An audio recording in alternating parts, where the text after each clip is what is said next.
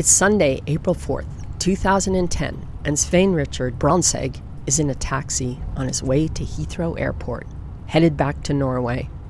And he is bummed.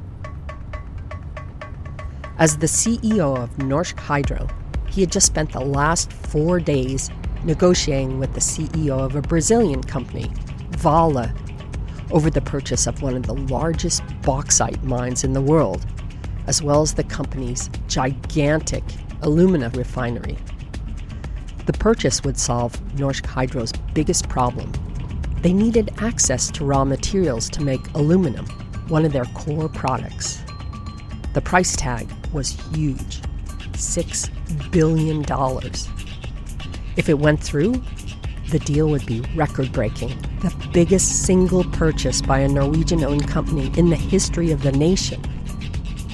But after four days of hard haggling, in the last meeting, I said this is not going to work because the, the gap was too big. So I said that I will go back to the airport. As the taxi wound its way westward, Svein Richard pondered the situation. Since he took over as CEO in 2009, he'd worked day and night to keep Norsk Hydro afloat. A weak dollar and declining aluminum prices meant Norsk Hydro had been hemorrhaging money. At one point, roughly 10 million kroner, or 2 million US dollars, a day. Everyone in the aluminum industry was struggling. But as the saying goes, out of crisis comes opportunity. That was uh, a good opportunity for me to talked to uh, the CEO of Vale, which also had some problems with aluminium because the aluminium uh, business at that time uh, globally was very much down and many companies lost money at that time. The deal with Vale could have been a lifesaver. I thought that the deal was lost. And then the phone rang in the back of the taxi.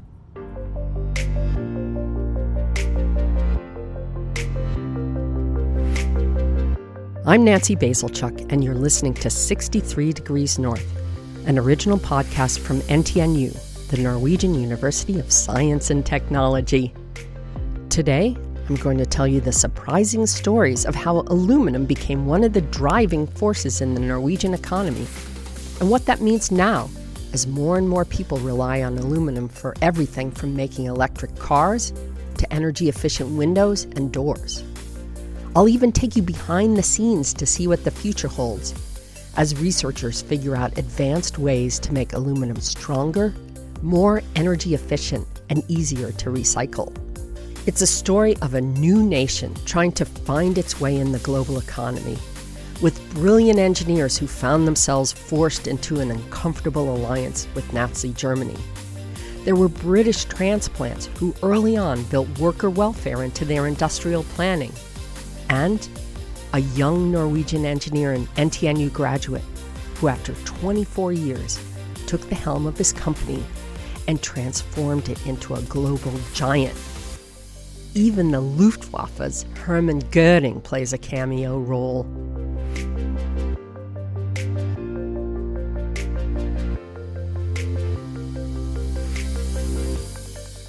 The aluminum industry connected Norway the political system and the Norwegian economy to the global economy. That's Hans Otto Frøland, and I am professor in uh, contemporary European history at NTNU. Hans Otto has combed through public documents, company records, private letters, and newspaper articles to put together the economic history of aluminum in Norway. It is so illuminating Uh, it helps me understand the political economy globally as well as nationally and the Norwegian political economy in a country highly dependent on foreign markets because Norway is, too small to. We would have been, had the subsistence economy had we been doing only farming. It wasn't until the late 1800s that scientists and engineers began to figure out how to extract it from ore at anything approaching useful amounts. Part of the problem was that extracting aluminum from bauxite ore needed something that was in desperately short supply at the turn of the last century. That thing was electricity. In the early 1900s, Norway was a place that earned most of its export income from its merchant fleet and from fish and wood. It turns out what saved countless numbers of Norwegians from having to subsist on cabbage, potatoes, and cod was water. More accurately, hydropower. Norway had abundant resources of cheap energy. But while Norway had plenty of waterfalls, it didn't have much capital to build a modern economy. For one thing, when the aluminum age first began, Norway was still a very young country. When it became independent of Sweden in 1905, Norway had an economy that was based on the extraction of natural resources. The question then, Hans Otto says, was how to enter the world economy in a smart way. Norway had the ability to exploit its waterfalls to generate electricity. But smelting aluminum? That was pretty complicated. So they needed outside help. And they needed outside money, foreign capital. So it was only in 1906 that British Aluminium Company started investing in aluminium production. And this was really a big issue at the time because Norway was a new nation in 1905 and so there was economic nationalism was much preferred and the regulations set up to control foreign investments in Norwegian electrochemical and metallurgical industries was widely supported. But they were managed quite liberally simply because this was a strategy, um, a part of Norwegian modernization strategy. And there was not sufficient capital in Norway to build up this aluminum industry. It turned out that Norway's national fervor stood the country in good stead. Why? One of the risks of having a country's export economy based on the extraction of natural resources and raw materials is that foreign companies, but not local entities, can profit a lot by developing these resources or raw materials. Norway, as it happens, realized early on that they had to protect themselves from foreign companies coming in and buying up all the rights to the country's waterfalls. So they enacted a series of laws that continue to be unique in Europe that have strict requirements for any non Norwegian companies looking to exploit the country's waterfalls or other resources as it happens. There was a law they called the panic law because so many foreigners came to Norway to buy up waterfalls cheap because it was poor peasants who, who owned these waterfalls and they didn't know the future value of it. Essentially, these laws and regulations limited the time a foreign entity could license a waterfall for power production and return the rights to the waterfall to the state after the license period ended. The government also created other requirements, such as requiring foreign companies to be registered and governed by Norwegian law, and to buy as much as possible of the materials they needed in Norway. The law also allows the government or municipalities to enact a tax on the use of the waterfall. And many scholars would argue that this regulations specifically is crucial to understand why a resource abundant country like Norway never was forced into the resource curse. The theory of the resource curse says that the most resource rich countries are the poorest countries. Think of exploitation in countries like Angola, Nigeria, Sudan, the Republic of Congo, which are all rich in oil or diamonds or other minerals, and yet residents there have a very low income and a fairly low quality of life. Very often, this kind of economy is foreign capital coming in, grabbing the resources, bringing them out, and taking out the resources and taking all the profits from it. But through this regulation, the argument goes, the Norwegian society, Norwegian government has been able to establish inward linkages into the domestic economy.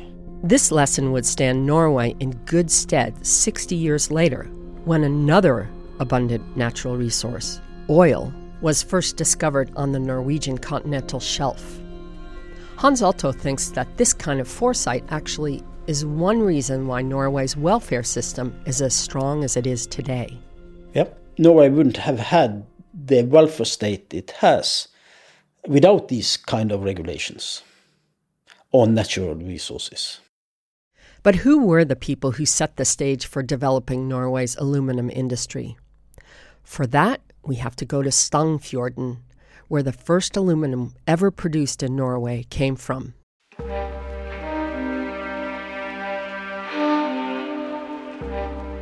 The company there, Stangfjorden Elektrokjemiske Fabrikker, was actually owned by the British aluminium company called BACo. They came to Stangfjorden because local residents had already developed the town's waterfall to produce electricity to make fuel out of peat.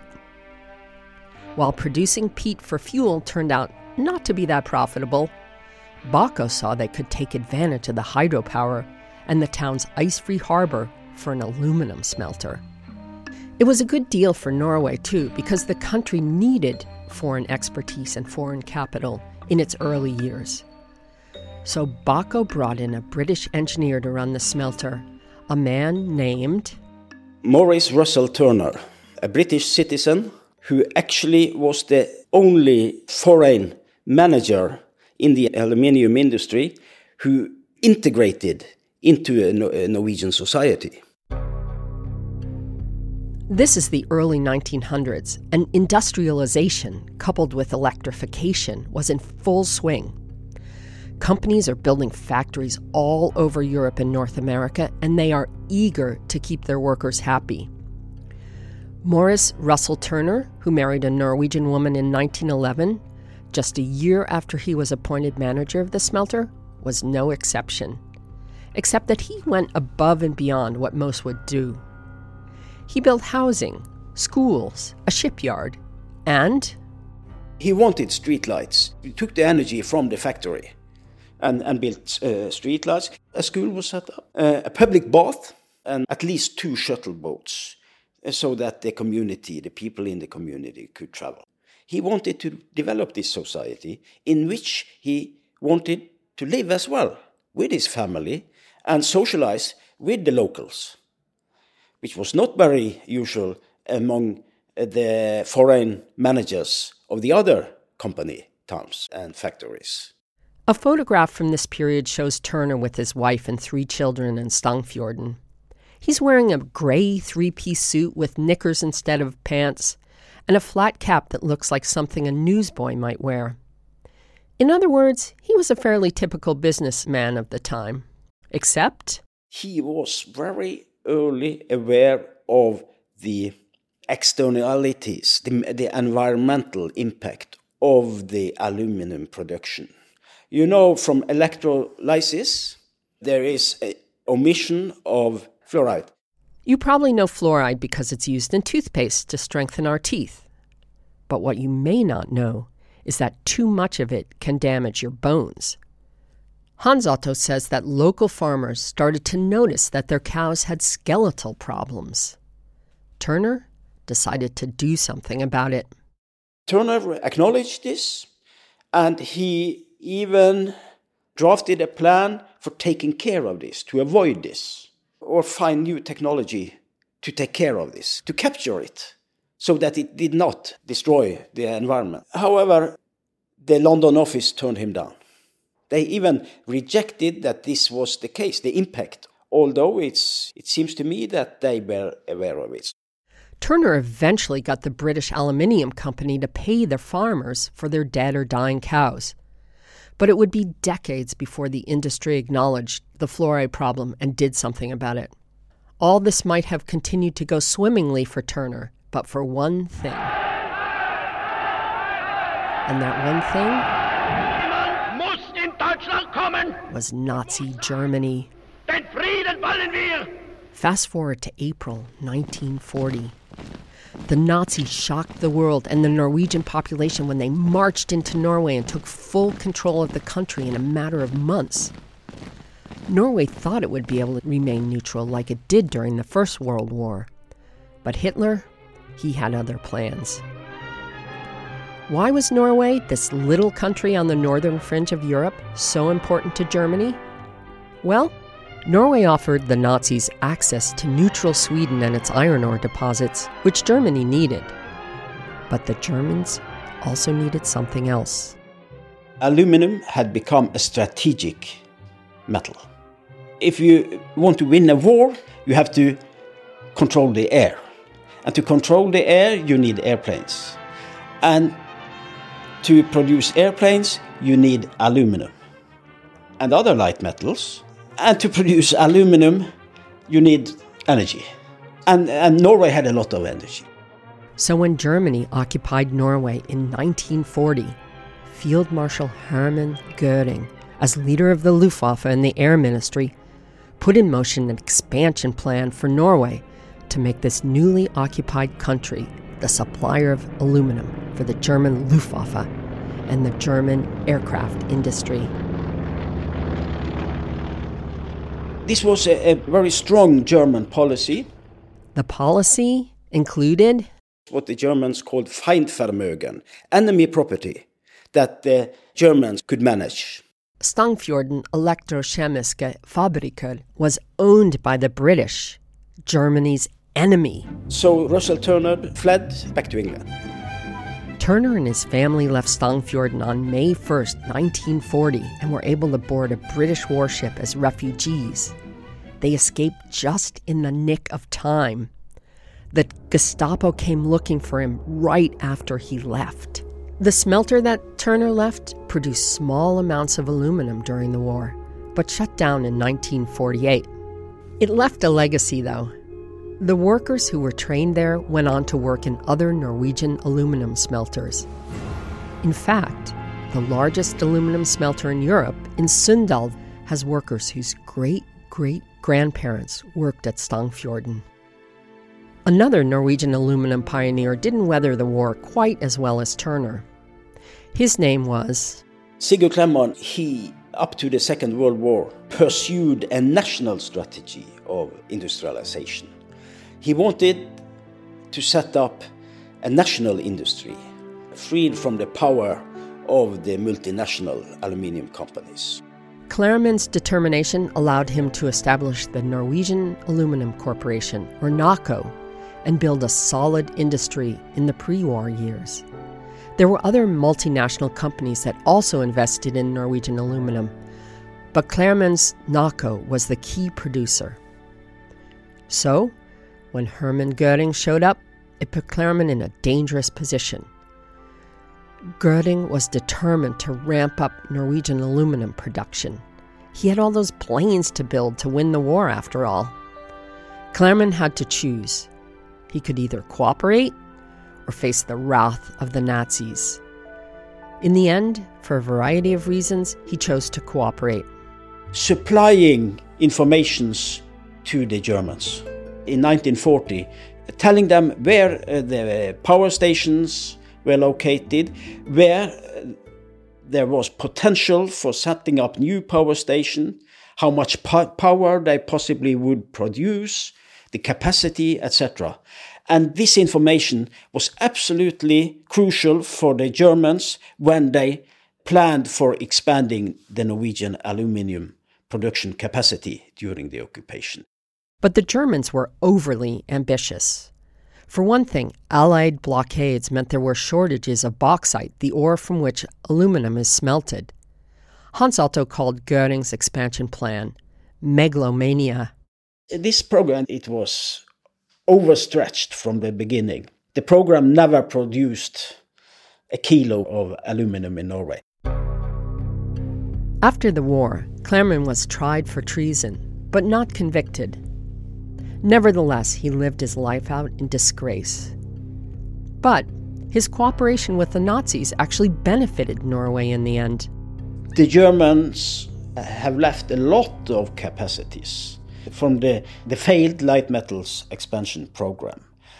And the question for the Norwegian government is what to do with this. The Labour Party government wants to establish uh, an aluminum industry which is free from the constraints of the global cartels. So in 1947, the parliament sets up Årdal Verk, which is largely uh, based on the remaining capacities of the light metal program. In 1951, it sets up Sunndalverk, based on the, uh, uh, the capacity left by, by the Germans in Sunndal. So, Kloumann's decision to cooperate actually set the stage for the emergence of one of the world's largest integrated aluminum companies, the Norwegian company you heard about at the beginning of the podcast, Hydro. The two plants, Årdalverk and Sunndalverk, would grow and eventually merge, and then, in 1986, would become part of Hydro. Hydro today is the largest integrated aluminium company outside China. That's Svein Richard Brandtzæg, and I have now uh, stepped down as the CEO of uh, Norsk Hydro two, two years ago after uh, working for Hydro in uh, 34 years. When we last heard from Svein Richard at the top of the podcast, he had just concluded four frustrating days negotiating with the Brazilian company Vale. He was on his way to Heathrow. In the last meeting, I said that this is not going to work because the, the gap was too big. We were talking about a lot of money. The deal was six billion US dollars. Uh, so when you're negotiating that, we are talking about quite a lot of uh, money when we have a gap. But we um, we didn't agree, and the last day I said that we, we I, I will go back to the airport. But so when I was in the taxi in the airport, then he called me and he agreed with our position. the deal was on.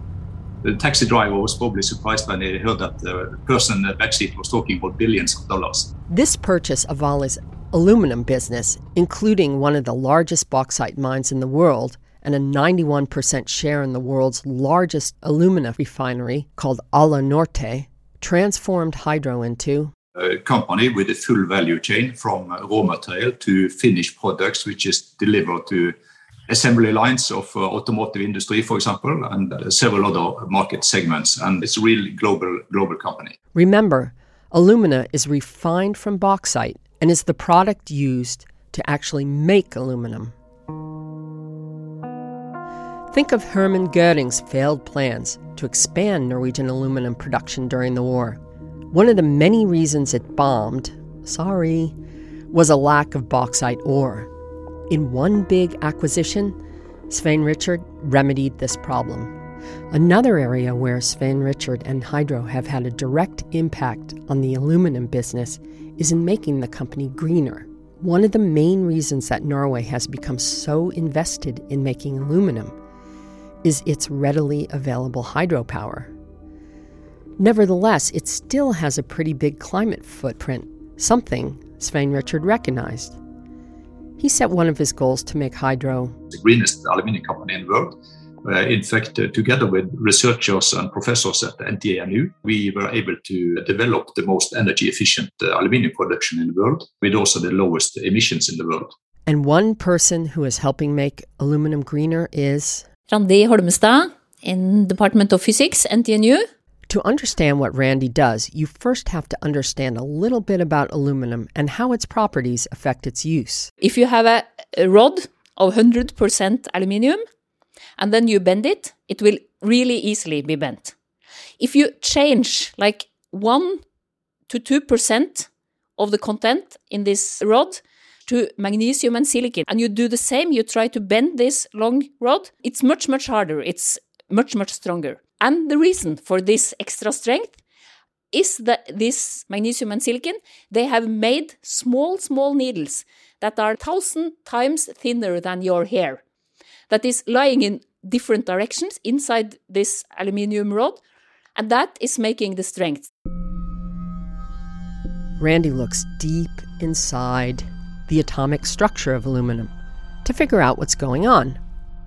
Randi can help figure out the best ways to make aluminum as strong and light as possible so it can be used in the cages for electric car batteries, for example.